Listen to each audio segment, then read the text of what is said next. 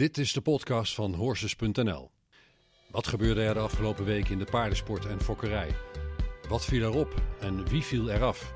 We praten hier in 20 minuten bij over het laatste paardennieuws. Van dressuur en springen tot mennen en eventing en van keuringen tot hengstencompetities en veilingen. Welkom bij de week van Horses.nl. Hallo, mijn naam is Mirjam Hommes en welkom bij de Week van Horses. Vandaag is aangeschoven mijn collega Jacqueline van Tartwijk. Welkom Jackie. Hallo allemaal. Hoi, fijn dat je er bent. Jackie, jij was afgelopen vrijdag bij de NRPS Hengstenkeuring. Vertel eens even wat jou daar is opgevallen. Nou, om te beginnen is natuurlijk uh, de locatie in, uh, in Dronten is een prachtige locatie. En ze hebben het uh, allemaal best wel heel goed voor elkaar. Je ziet dat ze steeds meer gaan professionaliseren. er staat een prachtige kooi, er is een goed team. En uh, ja, het juryteam bestaat dan uit uh, voorzitter Bernard Pleiter, Joyce Lennarts voor de dressuur, Joost Simmerik voor het springen. En ze hadden Sjoerdje Hakvoort uh, als aspirant toegevoegd. En mm -hmm. die hebben zich volledig ingezet om het goed te laten verlopen. Het was echt een lange dag, tot s'avonds kwart over tien of zo. Ze hebben niet gegeten, ze zijn doorgegaan en ja, alle respect daarvoor. Zo, dat uh, klinkt inderdaad als een boel werk. En ze hadden in totaal ook 59 paarden doorgelaten, paarden en ponies. Ja, we waren best wel uh, royaal. Uh, gezien, ja, meer dan de helft hebben ze zo'n beetje doorverwezen. Het waren wel veel meer paarden en hengsten aangeboden. Daar hebben ze ook wel op ingezet. Ze zijn, hebben ook wel hengstenhouders gevraagd om een paar hengsten aan te bieden. En ja, daar zijn ze natuurlijk wel heel erg blij mee. Ja, en wat kan je vertellen over de kwaliteit in de breedte? Wat viel jou op? Ja, nou ja, wat je ziet is natuurlijk dat de stamboeken allemaal uh, een beetje hetzelfde zoeken. Een, uh, qua qua uh, springpaarden het moderne springpaard met atletisch vermogen. ja, goed bewegende dressuurpaarden. Die, ja, de instelling die wordt steeds een beetje belangrijker. Daar kijken ze allemaal naar. Nou, wat je een beetje ziet, denk ik toch, over het algemeen, dat, het AI, dat de NRPS een beetje gaat zitten zo tussen KWPN en het AES. Er waren ook veel hengsten vanuit het KWPN die daar geweest waren en ook vaak de betere hengsten. Maar die worden bij het uh, NRPS gewoon omarmd en ze zeggen van uh, ja, wij zijn blij met, uh, met deze paarden. We willen ze graag ook een kans geven. En wat ze ook met name zeggen, dat ze ook wel hengsten met een iets mindere moederlijn of die iets anders gefokt zijn, eerder misschien een extra kans geven om uh, ja, toch verder of in de fokkerij wat uh, te kunnen bewijzen. Ja, precies. En, en wat bedoel je precies met ze zitten tussen het KWPN en het AES in? In wat voor opzicht zitten ze daartussenin? In het opzicht dat ik denk dat het KWPN toch iets strenger is in de selectie uiteindelijk. En het uh, AES die is nog wat ruimer uh, in, in, in de selectie. Dus ja, qua kwaliteit zitten ze daar een beetje tussenin. En wat ook opvallend was, is dat je vroeger had je natuurlijk bij het NRPS een beetje Arabische inslag. Ze moesten ook wat Arabisch bloed hebben. Nou, daar zijn ze van afgestapt. En uh, ja, je hebt niet meer een, een typische uh, NRPS. Je hebt ook niet meer de typische Holsteiner. We willen allemaal naar uh, het moderne springpaard, om maar iets te benoemen. Ja. Daarin zie je wel dat, ja, dat zie je ook bij het KWPN, dat, dat je toch wel wat verschil krijgt in types. dat je ja, wat, wat stoere, sterke, ja, wat volwassene paarden hebt. Maar ook wel ja, nog hele jeugdige paarden met veel bloed. Ja, en dat zie je bij alle stamboeken wel een beetje. Dat type niet meer echt doorslaggevend is. Bij de dressuur is het iets belangrijker dan bij het springen. Maar, uh, ja. ja, bij het springen moeten ze er gewoon overheen komen. Ja. En het, het interieur, hoe beoordeelt het NRPS dat? Ja, vinden ze erg belangrijk. Het was wel een beetje dat de paarden erg gespannen waren. Vooral de dressuurpaarden. Okay. Um, waardoor ze, ze hadden, kregen ook wel de tijd. Het, het, leek een beetje van, het ene paard ging eruit, het andere kwam erin. En het paard dat erin kwam, zag het paard dat eruit ging nog wel heel goed. Dus die vlog weer naar die uitgang. Oh. Ja, ze vinden het dan erg belangrijk dat, vooral ook in die stapronde, dat ze dan wel op een gegeven moment kunnen ontspannen. En uh, ja, voor, uh, voor een springpaard is het natuurlijk belangrijk dat die uh, in, instelling dat hij naar die hindernissen toe wil. Ja. ja. Ze zijn royaal geweest, maar ja, er komt natuurlijk ook nog wel later nog de verrichtingen. En ze willen gewoon veel, veel paarden een kans geven. Ja, nou, dat is allemaal terug te lezen in de paardenkrant van deze week. Daar heeft Jackie een uitgebreid artikel ingeschreven. Als je hier nou toch zit, Jackie, vind ik het ook een mooie gelegenheid om je even te vragen naar de voorbereiding op het eventingseizoen. Dat volg jij altijd goed en met veel plezier volgens mij. We zagen Raf Koremans twee weken geleden al in Spanje, maar de meeste mediterrane crossen die komen er nog aan. Vertel even, uh, hoe gaat de voorbereiding eruit zien dit jaar, ook met uh, het oog op Parijs? Ja, nou, uh, ja, ik volg inderdaad die eventing met veel interesse. Ik vind het altijd nog een van de mooiste takken van de paardensport. Als ik een uh, paard door terrein zie galopperen met de oortjes erop en blij zijn, nou, daar word ik ook blij van. Ja. En Raf die is al op pad geweest inderdaad met Crossborder Raider Love. Ja. Een paard dat um, ooit Merel Blom heeft gehad, maar al een paar jaar door Sterren van Houten wordt gereden. Ja, dat is een young rider hè? Zij is young rider en zij lest bij Raf. Mhm. Waardoor hij ook uh, met dit paard kennis heeft gemaakt. En hij zegt: Ja, ik ga dit paard nu rijden. Hij had vanaf het begin een heel goed gevoel met dit paard. Mm um, ja, hij is uh, naar Madrid geweest en hij gaat nu ook volgende week naar Portugal. Oké. Okay. Um, ja, toch wel een klein beetje met, uh, met het oog om zich misschien toch te kunnen kwalificeren voor, voor Parijs. Uh, maar daar is hij ook wel heel eerlijk in. Dat hij zegt van ja, ik hou me niet zo bezig met uh, waar ik dan precies aan moet voldoen. Natuurlijk hoop ik daarop. Maar als het niet zo is, dan, dan is het ook goed. En vooral voor het paard, uh, Raider Love, is het voor sterren ook van heel erg groot belang dat het paard die ervaring opdoet. En als hij daar naartoe mag, dan is dat natuurlijk schitterend. Maar zo niet, heeft hij toch wel wel weer veel meer ervaring opgedaan. Gewoon in het de aanloop daar naartoe en in de ja. kwalificaties. Precies. Ja. ja. En dan heeft, zijn er uh, natuurlijk uh, het A-kader. En in het A-kader zitten toch wel twee dames. Ja. Die uh, er ontzettend veel voor over hebben. Die er zeer professioneel mee bezig zijn. En ja, die ik dat ook echt van harte gun dat zij daar naartoe gaan. Ze hebben allebei meerdere paarden um, in dat A-kader zitten. Dus die kans is groot. En die hebben een iets rustige voorbereiding. Omdat zij de kwalificaties al binnen hebben. En ja. kunnen zich uh, ja, heel rustig voorbereiden op dat seizoen. En daar zijn ze erg blij mee. Dat zijn uh, Janneke Boomsaaier en Sanne de Jong, denk ik, hè?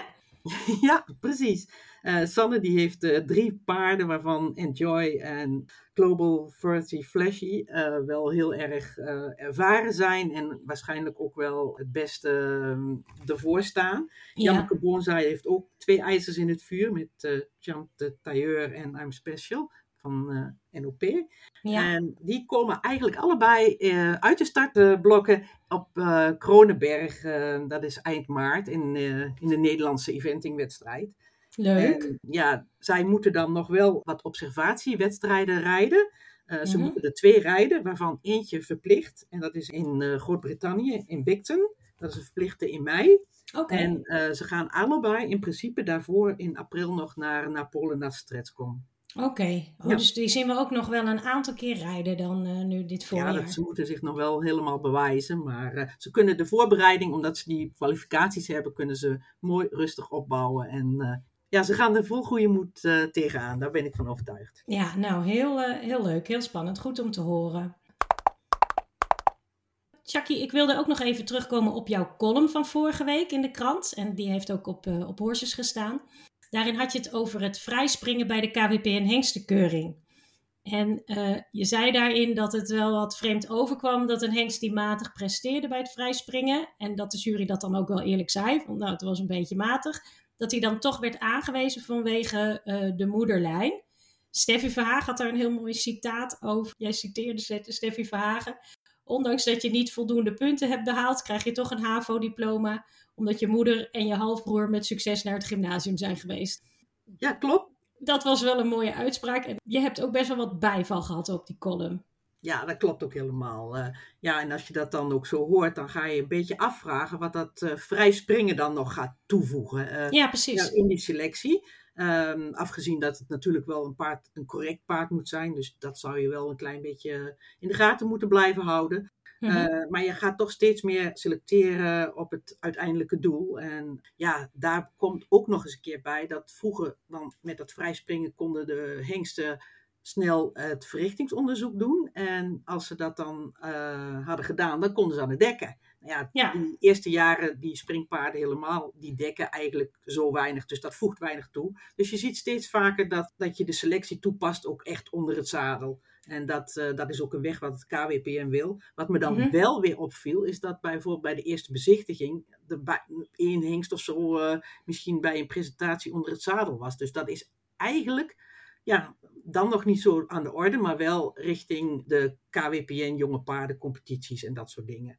Ja, precies. Maar wat voegt het vrijspringen dan nog toe? Want jij stelde die vraag in je column, maar, maar kun je hem zelf eens beantwoorden? Nou ja, ik was toevallig gisteren bij eh, Dennis Lynch. En die, ehm, ja, daar had ik een ontzettend interessant eh, interview. Want die woont in Limburg, hè? Ja, die woont in Limburg en die zei eh, bijvoorbeeld bij het vrij springen, dat geeft zeker een eerste indruk. Mhm. Het zegt ook wel wat over de intelligentie, maar hij merkte ook wel op dat ehm, de hengsten tegenwoordig ook heel goed naar dat vrij springen worden toe opgeleid. En eh, wat hij zegt van, eh, wat hij heel belangrijk vindt bij een springpaard is bijvoorbeeld een fijne mond. Ze moeten licht zijn in de hand. Ze moeten een fijne mond hebben. En dat is voor het paard comfortabel. Voor de ruiter eh, is dat ook heel erg fijn. En het geeft bovendien een hele vriendelijke uitstraling. En dat is ook waar we naartoe moeten in, in die sport. Ja, Dus eh, ja, dat kun je alleen maar testen onder het zadel. Dus nou, wat dat betreft is dat, dat testen naar het zadel toe eh, wel heel belangrijk. En als je het mij dan vraagt, dan zeg ik van eh, ja, dat zou heel mooi zijn. En als je dat zou kunnen combineren, bijvoorbeeld echt met, met een evenement als Indoor Brabant. ja, Wat je dan misschien wat langer zult laten duren. En daar zou je zo'n selectie, denk ik, eh, heel erg mooi kunnen laten plaatsvinden. En ja, ik heb ooit eh, een interview gehad met Weile Gertjan Swinkels. En Mhm. die was destijds daar al mee bezig. Om, dat was voor hem een wens om die KWPN-keuring daar naartoe te krijgen. En hoe mooi zou dat zijn als dat ook een keer gaat gebeuren. ja, en dan heeft het wel tot gevolg dat je waarschijnlijk ook meer oudere paarden krijgt. Maar dat is dan ook niet zo heel erg, want ze dekken toch niet als ze heel jong zijn, zeg jij eigenlijk. Nou ja, inderdaad, eh, Focus, eh, dat, dat geeft ook al wel aan dat Ja. zij steeds meer eh, richting een paard dat goed in de sport heeft gelopen. En dat, ja, dat is ook een, een echte, steeds meer een test. Maar ja, aan de andere kant, een goed sportpaard hoeft natuurlijk niet altijd een goede fokhengst te zijn. Dus nee, er is nog discussie genoeg. Precies, daar komen we eh, niet helemaal 100% uit, denk ik. eh. Anderzijds, om terug te komen nog even op die moederlijnen. Ja, tuurlijk zijn die belangrijk. Maar ja, je kunt het natuurlijk ook overdrijven. Waar, waar leg je die grens? En Goed maar goed geeft meer kans op goed. Ja. Maar eh, ja, dat je zo makkelijk daarmee omspringt, dat, het een, eh, ja, dat kwam wel heel eh, gul over, laat ik maar zo zeggen. Ja, precies. Maar de commissie zelf zegt dan van ze vallen vanzelf wel weer af in de loop van het verrichtingsonderzoek. Ze willen toch dat soort paarden een kans geven ook zich onder het zadel te bewijzen. En uiteraard het verrichtingsonderzoek is de volgende stap. Ja, helder. Wat staat er in de krant? Behalve de NRPS-keuring, groot stuk van, eh van Shaki, staat er ook een interview met Lars Kersten dat ik eh, had afgelopen weekend. Lars heeft de Wereldbeker in Gothenburg gewonnen. Dat was natuurlijk een enorme verrassing, maar ook een heel mooi spektakel. Met zijn hele familie op de tribune. En met een zelfgefokt paard ook, Halilea, 12-jarige schimmelmerrie van VDL Sirocco Blue. Lars vertelt in de paardenkrant dus ook hoe hij dat allemaal beleefd heeft en eh, wat voor paard Halilea is. Dus ga dat ook vooral allemaal lezen. Op de agenda deze week de aftrap van het nieuwe seizoen van de Global Champions Tour. Die vindt weer plaats in Doha, Qatar. Er zijn wat wisselingen in de teams geweest en er is dit jaar zelfs een compleet vrouwenteam, waar zowel Sanne Thijssen als Kim Emme in zitten. Jackie, wat vind je daarvan, van zo'n vrouwenteam? Ja, ik, daar ben ik altijd helemaal voor. Ik, eh, ik hou van powervrouwen en ik hou van vrouwen die, eh, die ervoor willen gaan. En eh, ja, we prijzen ons gelukkig ook in, in het springen dat we daar toch wat jonge Amazones hebben die echt hun mannetje staan. Ja, en die er inderdaad ook echt voor gaan, want dat geldt wel voor deze twee. Ja, ik vind het ook wel heel leuk, maar tegelijkertijd denk ik dan, ja, het leuke van paardensport is ook juist dat we eh, geen gescheiden vrouwen- en mannenteams hebben. Maar in dit geval vind ik het wel eh, heel aardig. Dus we gaan, eh, we gaan de dames volgen. Michael van der Vleuten is, die was afgelopen weekend ook al in Doha en die is er dit weekend ook bij. Sanne Thijs is daar en Jur Vrieling. Daarnaast wordt er weer gesprongen in Spanje en in Italië in de Mediterrane Tours. En er is internationale dressuur in Lier met een hele grote delegatie Nederlandse jeugdruiters en Amazones. Maar veel van onze Nederlandse senioren die blijven dit weekend thuis, want het tweede weekend van maart staat natuurlijk Indoor Brabant op het programma. Ga je erheen, Shaki? Nee, helaas dit jaar niet. Uh, Dan laat ik over aan mijn collega's, maar uh, ik volg het altijd wel en uh, helemaal vaak op zondagmiddag met een wijntje voor de tv. Ja, naar de Rolex kijken. Ja, ik verheug me er ook al op. Ik doe het even zonder wijntje, want ik moet nog typen dan. Dat was het voor deze week. Bedankt, Shaki, voor je bijdrage. Graag gedaan. Let op, lieve luisteraars. Volgende week is deze podcast er een weekje niet. Maar daarna zijn we terug met natuurlijk Indoor Brabant. Bedankt voor het luisteren. Vergeet niet om je te abonneren in je favoriete podcast-app. Je kunt alles wat we besproken hebben terugvinden op Horses Premium en in de paardenkrant van deze week. Om onze artikelen te lezen zul je soms een abonnement nodig hebben, want deze podcast is gratis, maar journalistiek is dat niet. Dit was de Week van Horses. Tot over twee weken. Dit was een podcast van Horses.nl en de Paardenkrant.